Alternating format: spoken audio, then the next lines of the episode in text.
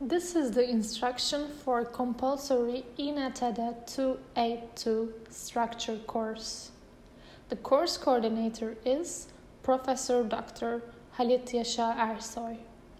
The content of this course principles of structure, mechanical effects, materials, technology, form structure relationship, basic historical developments, traditional and contemporary structures stacking, masonry, framework, surface and shell, spatial and space frame, suspended lifting and tensile, stretching and pneumatic systems, structures, structural basics at product design.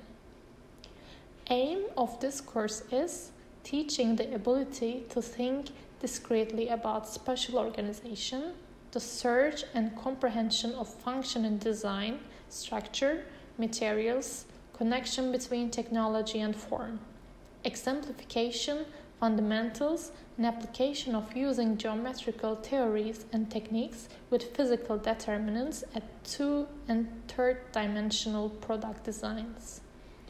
I wish you a successful semester. Good luck.